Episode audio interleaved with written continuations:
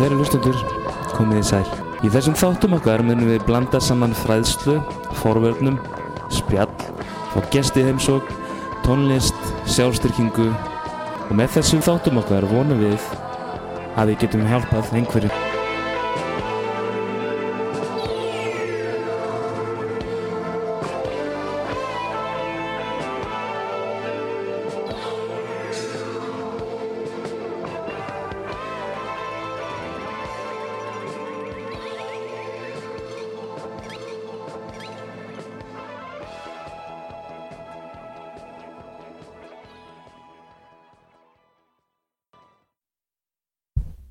Æðrleysinsbænin og dýpri útskýringar.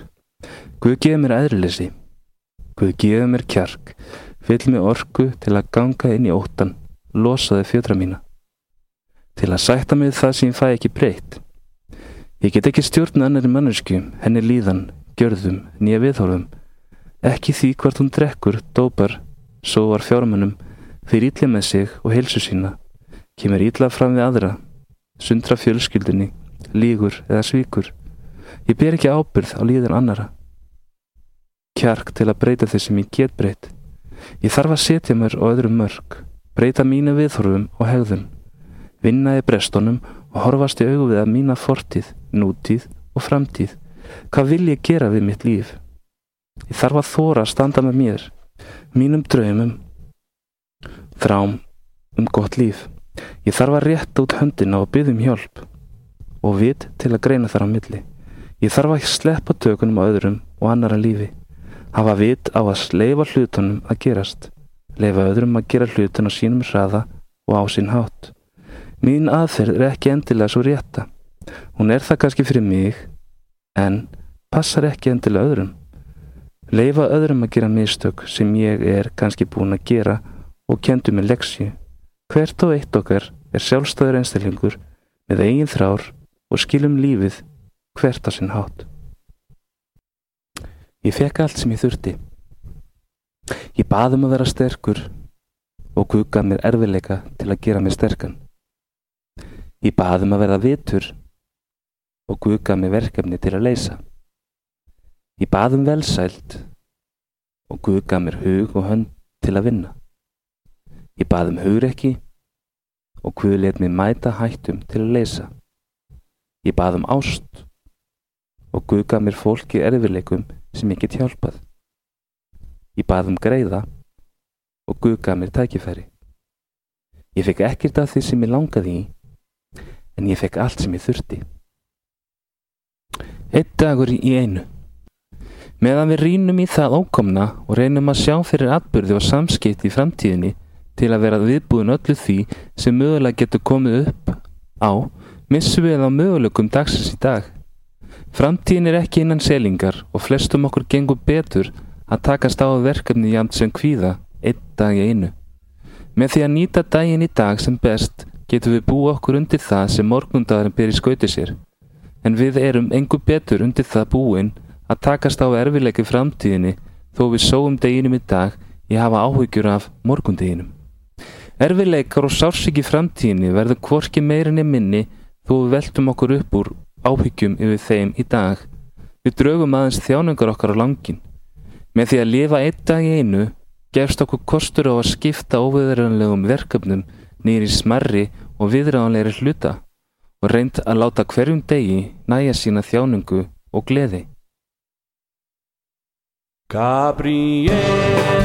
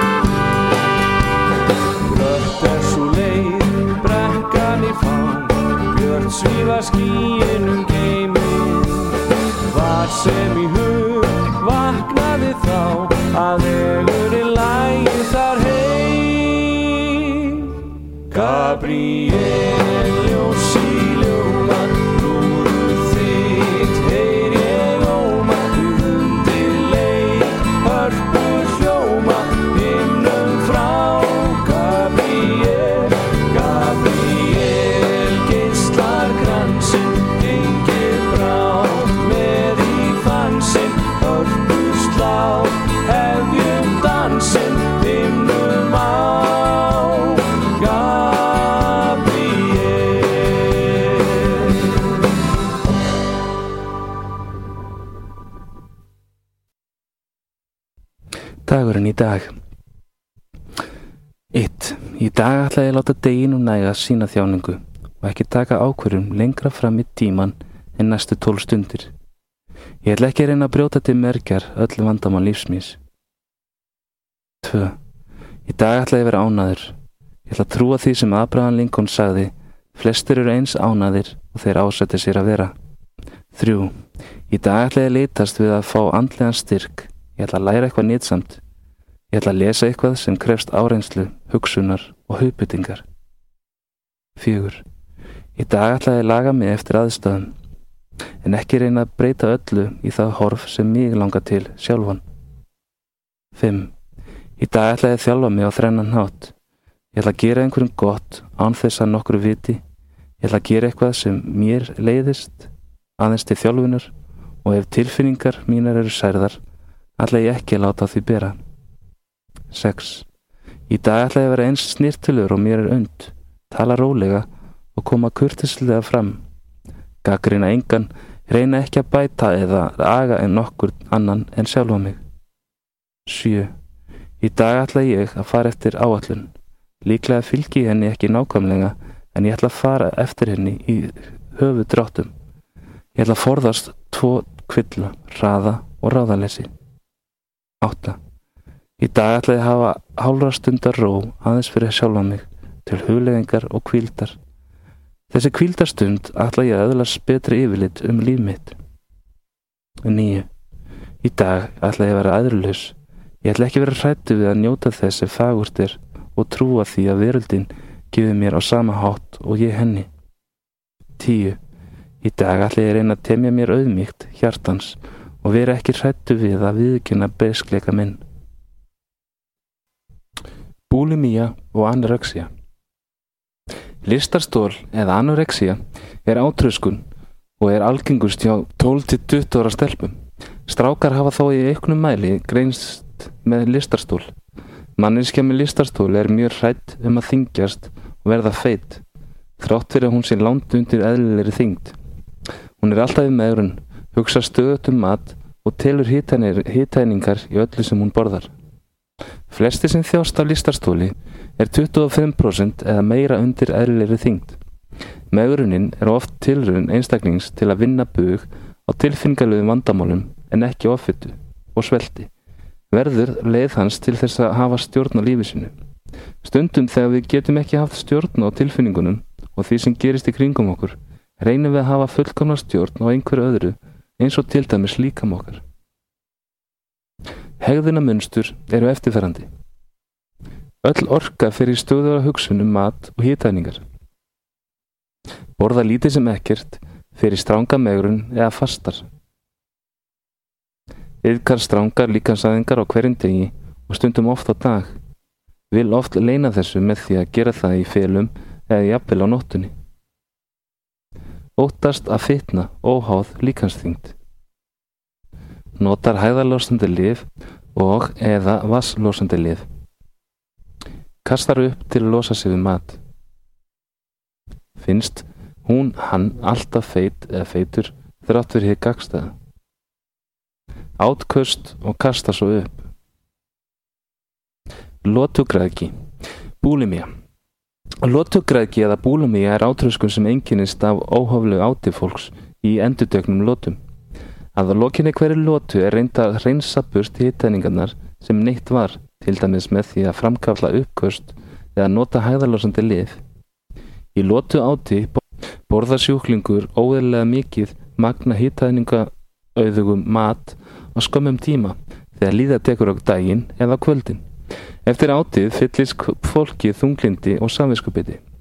Uppkostunum eða hreinsunni er ætlað að draga úr þessum tilfinningum og áður um maturinn fnæra meldast. Greinst hafa tilfelli lótugræðki þar sem sjúklingurinn hreinsaði sig ekki en það er sjálfgeft. Lótugræðki sjúklingar eru mist þungir, allt eftir því hver mikið þeir nærast og hreinsa sig og ólíkt listastólssjúklingum halda þeir yfirleitt eðlilegri þingtsinni.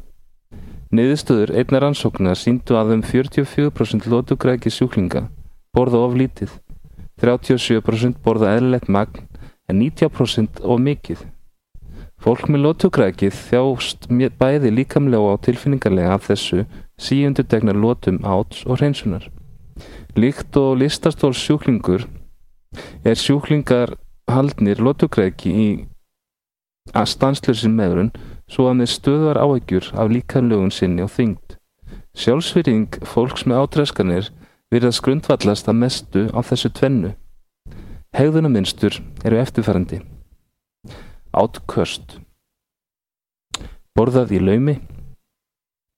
Stöðut hugsað og talað um mat og líkansþyngd. Forðast veitingastæði, matarbóð og veislur. Feluleikur. Allt gert til að virðast eðlileg eðlilegur þegar borðað er innan um fólk. Niðurbrotinn ef mikið er borðað. Farið á salernið eftir máltíðir.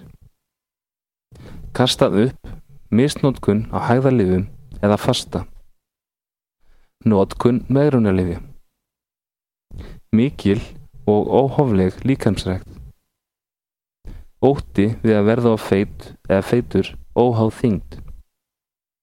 19 ára stelpa segir frá. Ég hef bæði þjást af búlimíu og anoreksju. Þegar ég var orðið 19 ára var ég 120 kíló og þreytt á að heyra hvað ég verið feit og ég þurfti nú að fara að taka mig á. Þau jól ákvaði ég að taka stjórn á lífið minnu og stinga puttunum upp í mig. Eftir það var það ekki aftur snúið. Fyrst sagðist ég vera með ælupest eða hafa borðað eitthvað sem fór svona í magan á mér. Ég gerði ekki hann að ljúa mínu nánustu og hrakti marga frá mér með því. Þetta tók mikið á fóruldra mín á sískinni. Mér líður vel í dag og finnst ég vera ný og betri manniska. Ég veit að þessi sjúkdómur mun alltaf fylgja mér og vera hluta mér en ég get stjórna honu núna. Ég passa hvað ég borða og reyfi mér reglulega þannig hugsa ég vel um líkama og sál. Ég fer til sálfræðins einu sinni í mánuði og hitti hjúgrunafræðing reglulega. Ég fæ mikinn stuðning frá fjölskyldu mínu. Allir sjá rosalega mun á mér í dag. Þú, einn eða einn, ræður hvort sjúkdóminu stjórnar þér eða þú honum. Það er þitt val, en viljin verður að vera fyrir hendi. Við höldum að þetta sé töframeðal sem gerir okkur falleg og flott, en það virkar því miður öfugt. Það verður slappur, fölur, lítur alltaf veiklulega út og er alltaf skapillur og þunglindur. Það eru alltaf til aðrar og betri lausnir en þetta helviti. Meðferðir lótugræðki og lístastóli felst í því að koma á helbriðum matarvenni. Fá sjúkling til að hætta ofáti og megrun, þar sem hins setna er talið valda hinnu fyrra. Að auki þarf að hjálpa sjúklingum við að hætta að reynsa úr líkamannum hittæningar, hvort sem það er með uppkostum eða nótkun hæðarlósandi livja. Meðferð telst árangursrík þegar tekst að draga úr öðrum sálrænum erfilikum sem tengjast lótugræðkinni. Til dæmis að sjálfsmat byggist ekki nær alfarið á þyngd og líkamslögun. Flestir sjúklingar ná bata í meðferð utan sjúkrahósa. Frásaks stúlkur sem lendi í þeim ömulega vítaring að finnast hún vera á feit þrátt fyrir að engum öðrum finnist það. Sjálfsmyndin var í mólum og afleggingin var lótugræki, þunglindi og lokum sjálfsmórstilurinn. Hún er nú á góðum batavegi. Hafðu það einfalt. Þegar lífið virðist óviðræðanlegt og rugglinslegt hendar best að beita einföldum aðfyrðum og þetta slagurð minnur okkur á að flækja málun ekki ómeðvitað með því að reyna að sjá fyrir allt það sem gæti farið úrskeiðis til að veri viðbúin því. Þegar við höfum það einfalt reynum við að taka hlutunum eins og þeir eru í stað þess að velta því fyrir okkur hvað ef til vill og kannski gæti orðið ef þetta eða hitt væri svona eða hins einn. Það minnir okkur á að flækja málun ekki frekar eða taka ekki meira að okkur en við getum ráðið við og að okkur gangi betur ef við einföldum markmið okkar. Að við getum slakað á, verið mildar við okkur sjálf og trist því því að ef við setjum annan fótinn fram fyrir hinn til skiptist komast við áfangastað einfallega skref fyrir skref. Von og líf Alla liðlinga á nóttina reyka ég um dimman skógin. Valdi mér stíga sem skiluði mér ekkert. Skrámið og marinn skreittist ég áfram uns ég fjall sigurði hrúur ofan á rótnandi leifar fortíðamennar. Það sá ég ljóskletu, heyrði veikt hljóð, rödd sem sagði komdu. Ég var stödd í skóðjæðurinu, blinduð á ljósinu, skerri vetrasól. Framundan víðóttan grundir kringdar fjalluðum hæðum. Stakk tré fyrir miðjum. Stígur bugaðist út úr sjónmáli þaðan sem ég stóð og ensaði röddinn. Komdu. Rasandi, skríkandi dróst ég, mörðum fótum eftir stígnum, þar til leitu upp og sá, ekki tré, heldur kross. Komdu til mín, sagði hann. Gefðu mig byrða þínar, gefðu mig líf þitt. Hvað getur þú vilja með mig hafa drottin, mótmælti ég. Ég elska þig, ég vil þig eins og þú ert. Svo læðist ég niður við fótstall krossins og leitu upp. Krossin var horfin.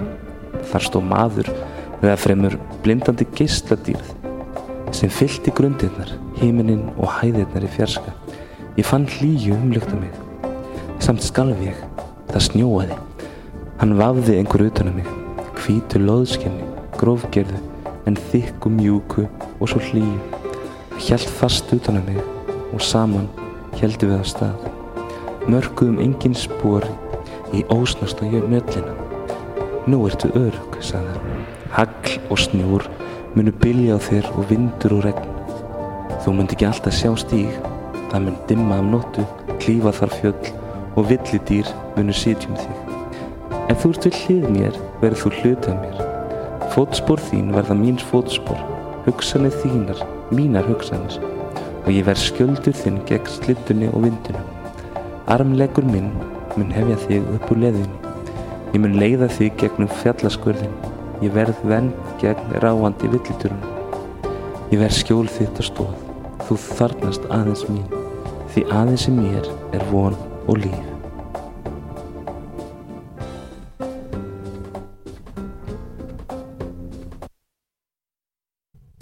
Það er ekki sama hvernig þú hrósar.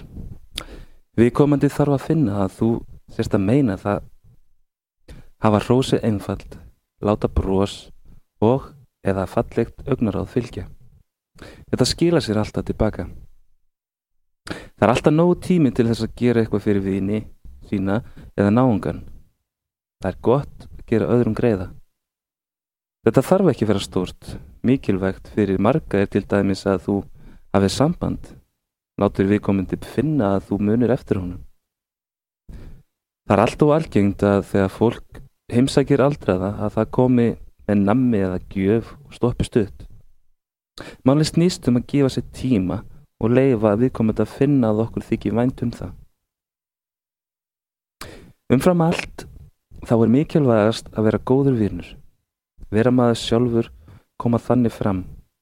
Þá sýnir þú að þú ert heiðarlega manneskja og fólk kynnist þér eins og þú ert. Vertu skilningsrík eða ríkur geðu þér tíma til þess að skilja skilja náangan áður en þú metur hann skilja vandamál hjá vinum ef þau eru til staðar og umgangast hvern og einn eftir aðstæðum. Ef fólk þarf að vera friði, hafðu þá skilning á því. Góðir vinnir eru ekki á hverju strái. Þeir eru sjálfgjafir, einbetti þér að því að vera góður vinnur. Spilafíkn Spilafíkn fer ekki manngreina álit. Engin er of ungur, gamall, ríkur, of vel gefin eða of vel mentaður til að verða spilafíkna bráð. Við getum velt vöngum yfir orsökun spilafíknar, gert rannsóknir og búið til töflur og gröf um stærð vandamálsins og rækta út af við yfir gröf og dauða en það mun ekki breyta því að sjúkdómurinn hefur fyrst og síðast áhrif á fólk. Sjúkdómurinn splundra fjölskyldum og veldur fólki mikilli óhamingju. Mundu, Næst þegar þú heyrir minnst á spilafík að helstu aflýðinga sjúkdómsins eru mannlegir, harmleikir og á hverri stundu verða nokkri slíkir harmleikir í okkar litla samfélagi. Geðleiknar um allan heim skilgreina spilafík nú í til dags sem sjúkdóm. Samtök bandaríska geðleikna viðkjöndu kvillan árið 1980. Allar götur síðan hafa staðið mikliðar umröður og fjölumarkar ansóknir verið gerðar til að gera sjúkdómsgreiningu sem áraðanlegasta. Tíu enginni spilasíkinar og ef fimm þessara engina eiga við einstaklingin er hann talan spilasjúkur. Spilafíkn vísa til þrálótrar og endirtekina hegðunar sem greina má af fimm eða fleiri af eftirtöldum enginum. Númer 1. Viðkomandi er upptekinn af peningaspili eða veðlegjum. Hann er upptekinn af síðasta spili af því að undirbúið að leggja á ráðin um næsta spil eða finna leiðir til að útvegast peninga til að geta spila með. Númer 2. Hann þarf að leggja meira fyrir undir en áður til að öðlast á spennu sem sóst er eftir. Númer 3. Endur teknar tilurinnir til að hafa stjórn á, draga úr eða hætta peningaspilum. Númer 4. Eirðarleysis eða pyrrings gætir þegar reyndir að draga úr eða hætta peningaspilum. 5. Viðkomandi nota ímis peningaspil eða veðleiki sem aðferð til að flýja vandamál eða bætur vanlíðan, til dæmis hjálparleysi, sektarkend, kvíða, þunglindi. Númer 6. Þótt einstaklingur hafi tapað miklu fjö, spilar hann áfram og gerir sér óröfnavar vonir um að vinna upp tapið. 7. Einstaklingurinn líkur að fjölskyldumöðlumum, meðferð aðalum eða öðrum til að leina því hver djúft hann er sokkin. 8. Viðkomandi hefur gripið til ólöglegs aðtafis til að fjármagna peningaspil, til dæmis skjálafals, fjórsvika, þjófnaðar eða fjárdráttar. 9. Hlutaðandi hefur stopnað í hættu eða glata dýrmættum tengslum við fólk, atvinnu, skólagöngu eða tækifæra frama vegna peningaspila. 10. Hlutaðandi tristir á fjárhagsaðstóð annara til að bæta slæma fjárhag sem rekja máti peningaspils. Neiðarsýmið spilavandans er sími 568 6666. Gíasamtökin Gambles Anonymous Spilafíkn er sjúkdömmur sem hægt er að ráða við. Ef sjúklungurinn viðkenni vandan er tilbúin til að fræðast um sjúkdóminn og leggur sér fram við að tilenga sér einslu annara sem er náð hafa tökum á spilafíkninni, getur hann öðlast nýtt líf. Þetta er mögulegt í gíðasamtökunum. Í eina tíð gekk mjög illa meðhundla fjáráttuspilara. Áráttu þeirra var og er þrálát eins og árátta áfengisjúklinga. Þegar stopnum var til fundarhalda í gíðasamtökunum í bandaríkjunum árið 1957 bóðað það betri tíð fyrir fjáráttuspilara sem vildu losn úr viðjónum. Fyrirmynd gíðasamtakana er aðasamtökin og hafa gíðasamtökin laga tólsbreynslusbór aðasamtakana að þörfum sínum. Í þeim fælst einföld stefna til að ná bata við spilafíkn. Þúsundir karla og kvenna heiminum hafa með hjálp þessari reynslusbóra breytt lífi sinu til eins betra og losa sig úr hlekkjum spilasíkinar. Gam Anon er sjálfsjálfar samtök sem er leið til lífsbergar fyrir maka, fjölskyldu eða nána vini spilafíkisins. Við komum í Gamanon einmanna, rætt, hjálparvana, örvendingafull og skömmin er yfirþyrmandi. Við híkum við að segja öðrum frá vandamálum okkar og vonbröðum og óttumst að enginn skilja okkur. Gamanon samtökin tekur vel að mótu öllum sem til samtakana leita. Gangi í Gamanon, við erum líka einn, rætt og ófærum að klíma við vandamálið. Við viljum deila með þér nýjum og innihalsríkum lífsmóta. Það er til laust. Spílafíkil eins og þegar dópensti far efni sitt. Spílafíkil segir frá. Hæsti vinningur í hæptrættu stuttu eftir að hann kventist allir engum ströngverum í lífi hans. Að vísu keiftu ungu hjónin fín hugskögn fóru í utalansferð og veittu sér ímislegt sem þau höfðu alls ekki gert. Svavar, eins og hann kýsa nefna sig, hjælt áfram að vinna mikið, átti fyrirtæki og drófa eina björg í bú. Allt var í lukkuna velstandum framan af, eiginkona börn, fallit heimili og fínir bílar. Smám saman komið brestir í hjónabandið, ég átti erfitt með að sætta mig við vist atvik og eftir á að hyggja held ég að ég hafi verið að flýja verið raunveruleikan þegar ég sett í fyrsta skipti peningi pókerkassa árið 1990 og vann nokkra þúsunkalla. Þótt hann væri þá ákveðin í að spila líka næsta dag óra hann ekki fyrir að sakleiri slegir spilakassar ætti eftir að heldtæka huga hans næstu árin. Í tvö ár spilaði Svavar daglega. Þegar leikurinn stóð sem hæst skulda hann 16 miljónir og var að flektur í allskynst líkar og blekkingar.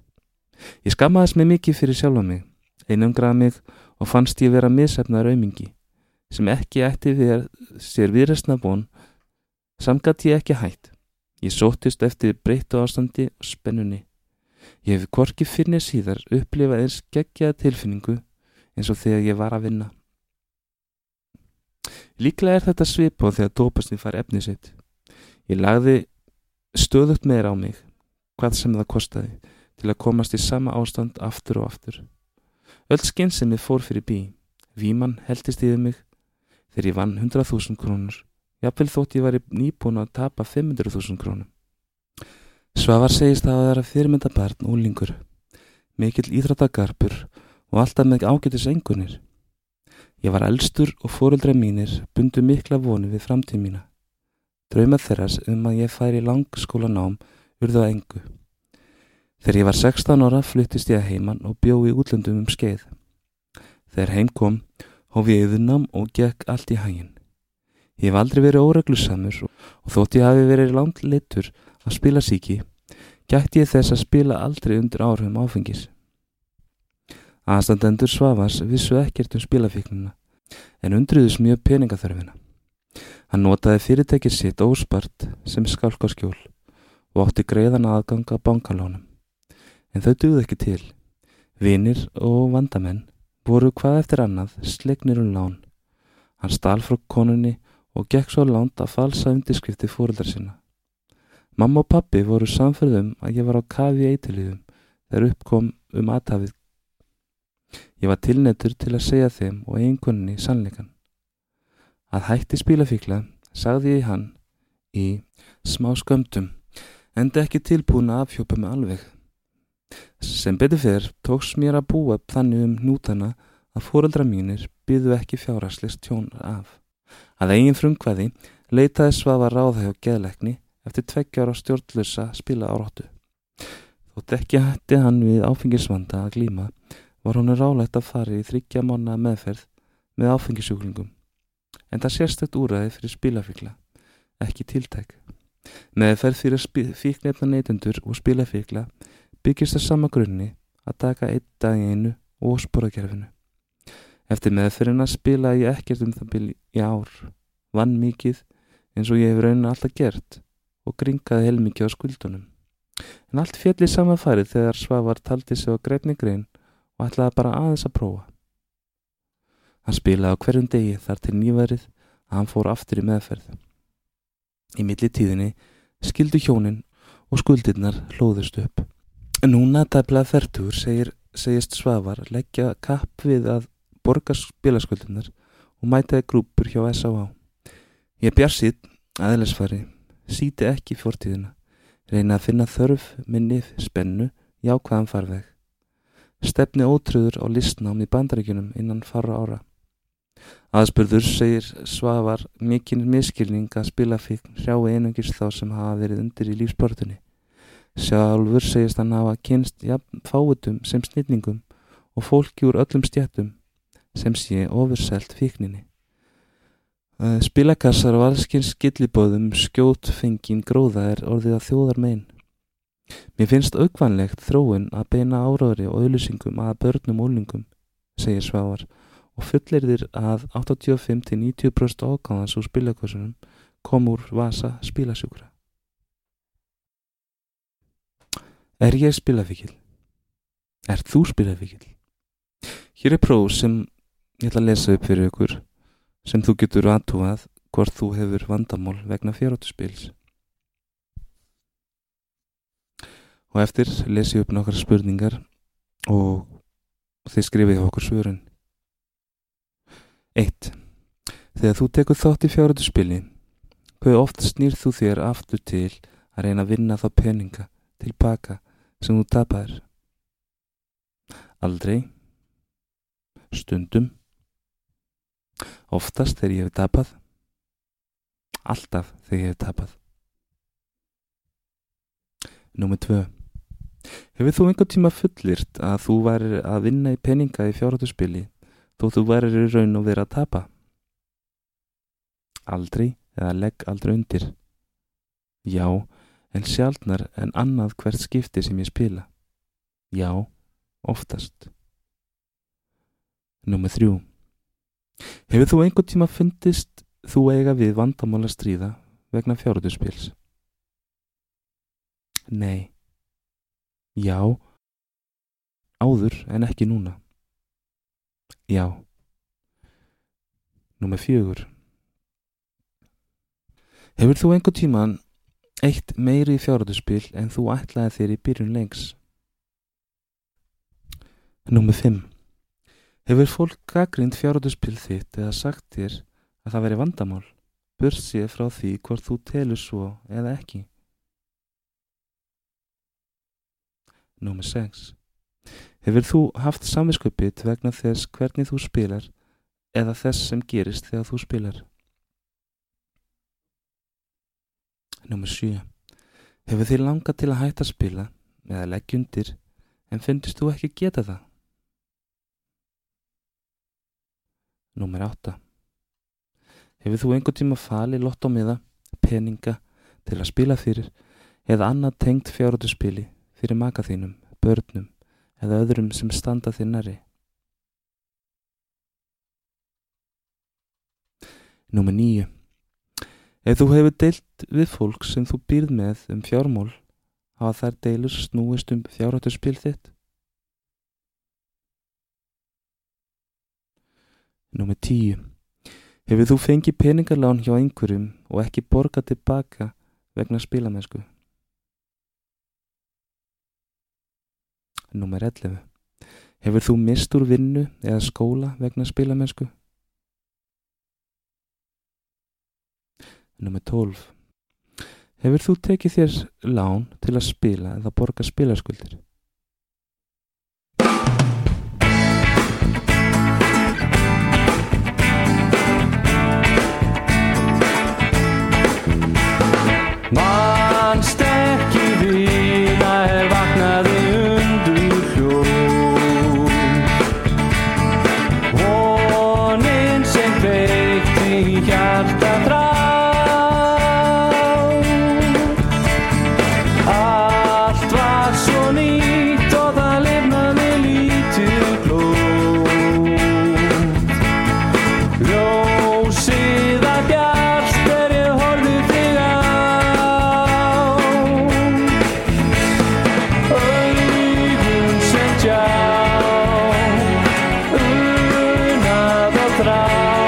found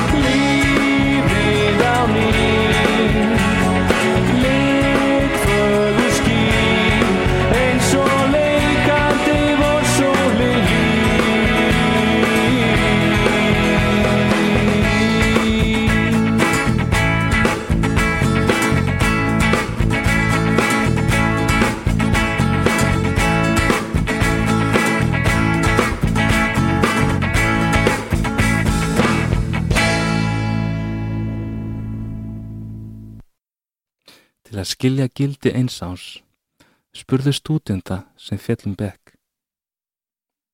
Til að skilja gildi eins mánadar, spurðu móðir sem átti fyrirbura. Til að skilja gildi einnar viku, spurðu réttstjóra vikutablas. Til að skilja gildi eins klukkutíma, spurðu ástfangi par sem býður eftir að fá að hittast. Til að skilja gildi einnar mínútu, spurðu mannesku sem rétt mista strætó. Til að skilja gildi einnar sekundu, spurðu mannesku sem kom í veg fyrir slis. Til að skilja gildi millisekundna, spurðu mannesku sem fekk silfrið á olimpíuleikunum. Lífið er fullt af vandamálum. Það er best að horfast augu við það og ákveða að vera hamingisami þrátt fyrir það. Fróðum áður saði eitt sinn. Lengi vel fannst mér alltaf sem lífið væri rétt að byrja. Þetta eina sanna líf. En það var alltaf eitthvað sem stóði vegi fyrir því. Eitthvað sem þurfti að yfirstiga fyrst. En einhver óklárið mál. Tími sem þurfti að eða í eitthvað. Ógrita skuldir. Síðan myndi lífið byrja. Daginn rann það fyrir mér að allar þessar hindranir voru lífið sjálft. Þetta viðþorf hjálpar okkur að skilja að það er engin leið að haminginni. Hamingin er leiðin. Njótum hverja stunda sem við eigum. Njótum hennar enn frekar þegar okkur tekst að deila henni með öðrum sem er nógu sérstakur til að verja tíma okkar með. Og munum að tíminn býður ekki eftir neinum. Átt að býða þar til þú hefur lokið námið eða þar til þú hefur hafið nám. Þar til þú hefur mist 5 kíló eða bætt að þig 5 kílóum. Þar til þú hefur eignast börn eða þar til þau flýtast að heiman. Þar til þú byrjar að vinna eða þar til þú sest í helgan stein. Þar til þú giftist eða þar til þú skilur. Þar til á förstutaskvöld, þar til á sunnudagsmorgun. Þar til þú fær þér nýjan bíl eða hús. Þar til þú hefur borgað upp bílinn eða húsið. Þar til í vor, þar til í sumar, þar til í haust, þar til í vetur. Þar til lægið þitt byrjar. Þar til þú ert búin að fá þér í glas. Þar til runnið er af þér. Þar til þú deyrð.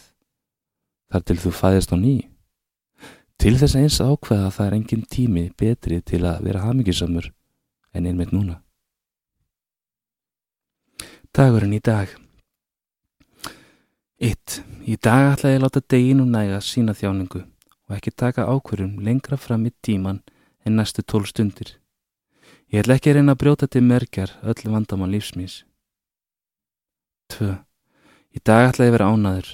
Ég ætla að trúa því sem Abraham Lincoln sagði, flestir eru eins ánaðir og þeir ásætti sér að vera. 3. Í dag ætla ég að leitast við að fá andlegan styrk. Ég ætla að læra eitthvað nýtsamt. Ég ætla að lesa eitthvað sem krefst áreynslu, hugsunar og hugbyttingar. 4.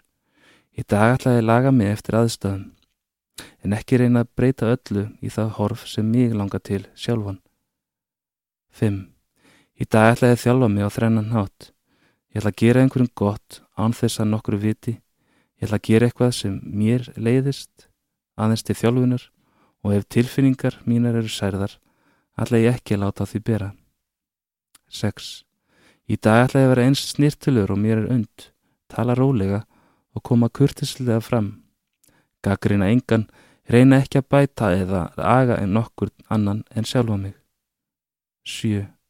Í dag ætla ég að fara eftir áallun.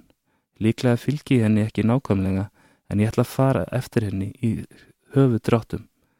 Ég ætla að forðast tvo kvilla, raða og ráðalessi. 8. Í dag ætla ég að hafa hálfra stundar ró aðeins fyrir sjálfa mig til hugleðingar og kvíldar. Þessi kvíldarstund ætla ég að öðlast betri yfirlit um líf mitt. 9. Í dag ætla ég að vera aðrulaus. Ég ætla ekki vera hrættu við að njóta þess sem fagurt er og trúa því að veröldin gefur mér á sama hátt og ég henni. 10. Í dag ætla ég reyna að temja mér auðmíkt, hjartans og vera ekki hrættu við að viðkynna beskleika minn. Ertu endalust að fresta lífinu? Borðar það einhvern tíman ís án þess að fá saminsköpit og hugsa, hmm, ég nú að þung eða þungur? Ertu stöðut að fresta því að fara í frí, þangað, til þú hefur sapnað nægum peningum fyrir fríinu eða bara þangað til stendur betur á. Frestaru skemmtulegum tækifærum vegna þess að þú telur þig hafa annað meira áreðandi verkefni sem þarf að ljúka. Ég veit að ég er 100% segur um að þessi atriði núna. Lífið þitt líður hjá og meðan þú finnur þér stöðuðu afsökanir. Engin veit sína æfi, svo það er rétt að njóta hverja stundar með þeim sem skiptir því máli núna strax. Ekki veru of upptekinn að lifa lífinu þannig að þú sést alltaf að velta fyrir þér hvað aðrir er að hugsa eða hvernig þú heldur að aðrir haldi að þú er að lifa því. Þegar sirkjendum koma saman og hvaða látin ástvinn, þá renna tárin yfir sökniði um orðin sem ekki voru sögð og hlutina sem ekki voru gerðið saman. Veltu þau fyrir þér í smá tíma og komdu þér svo á stað að koma hlutunum í verk. Hvenær fegstu þér seinast gyrnilega súkulögöku? Hvenær komstu óvandi heimsókti vinnar sem þú er búin að ætla þér að heimsækja í marga mánuði eða ár? Hvað með að fara út með börnunum að leika í snjónum? Fari bíó, hafa spilakvöld eða bara gera eitthvað sem ykkur finnst skemmtilegt? Ég hef lesið ófáar sögur um fólk, konur og menn sem eru komin á seinasta aldurskeið í lífinu sínu. Þar sem það segir frá því hvað það sjáum mest eftir í lífinu. Þau óskuðu sér að þau hefðu leikið sér meira. Þau óskuðu sér að þau hefðu borðað meira rjómaðis án þess að vera með samvinskupið. Þau óskuðu þess að þau hefðu ferðast meira og átt meiri og betri stundir með fjölskyldu sinni, maka og börnum. Ég veit að það er auðvelt að líta tilbaka en þegar þú ert í amstri dagsins þá er koma afsekanir endalust um að gera þetta setna þegar betur stendur á.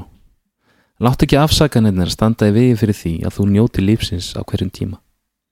Í þessari viku skal þið leifa barninu þér að koma út og leika sér. Hér eru nokkur ráð fyrir vikuna. 1. Hvað er það sem þú hefur endalist verið að fresta? Hvað hefur þú endalist verið að hugsa um að gera en alltaf frestað? Hefur þið langað að sjá einhvern stað? Hefur þið langað að bjóða vinum í mat? Hefur þið langað að fara í helgaferð með fjölskyldunni? Eða eiga skemmtilega stund með makanum? Að halda endalist áfram að tala um hlutina lætur þá ekkert gera straðar. Veldu eitt sem þið hefur lengi langað að gera og framkvæmdu það. Núma 2. Aðgerðaplanið. Það er þýðingalöst að tala um hlutina ef það fylgja ekki aðgerðir á bakvið orðin.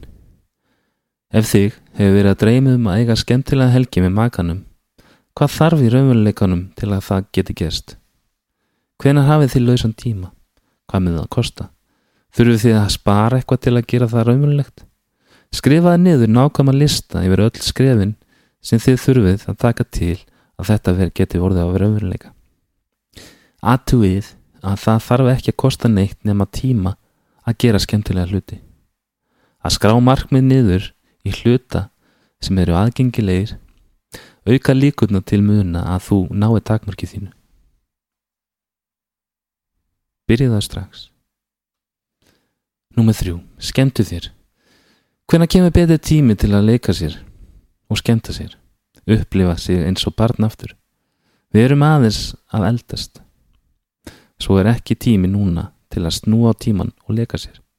Skrifaði niður listi yfir það sem þið langar til að gera. Þú hefur gaman af. Fáðu barnarsplitt, sjá bíamund, dekur daga helsurektinni, út að borða og gista nótt á hóteli. Prófa fallífarstökk eða sviðflug. Einsettu þér að fá meiri gleðin í líf þitt. Gangið er vel.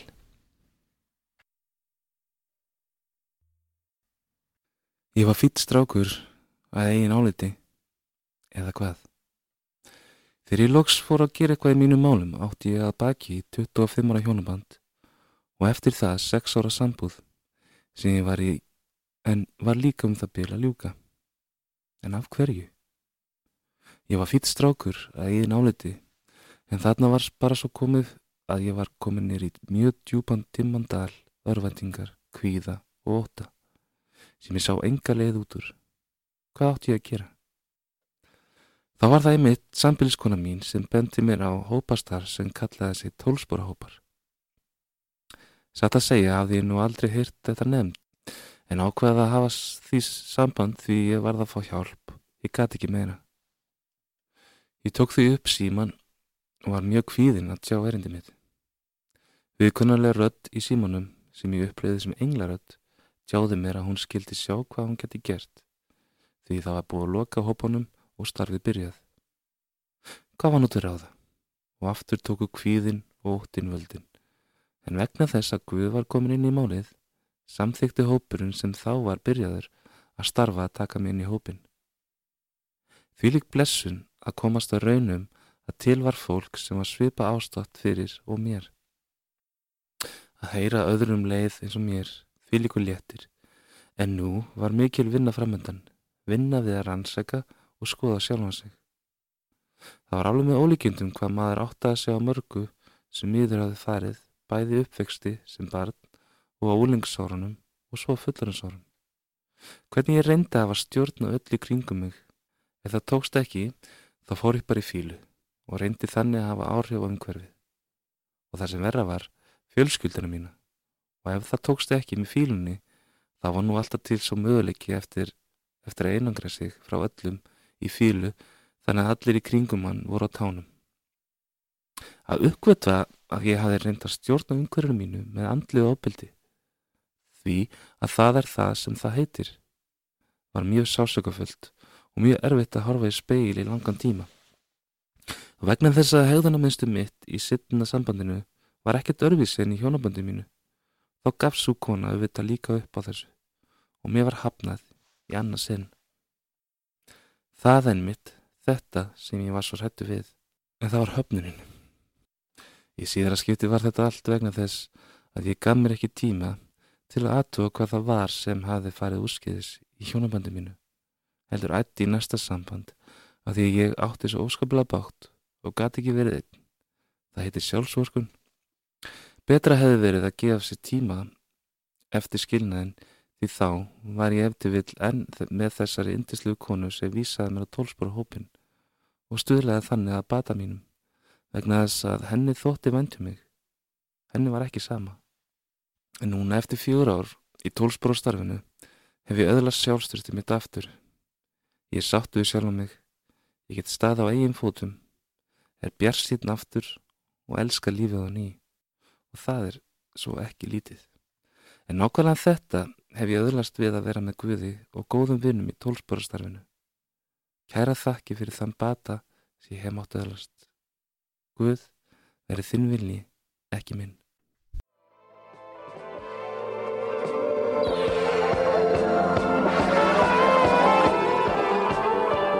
Kæra hlustundur, við höfum farið í víðið þessum þætt okkar.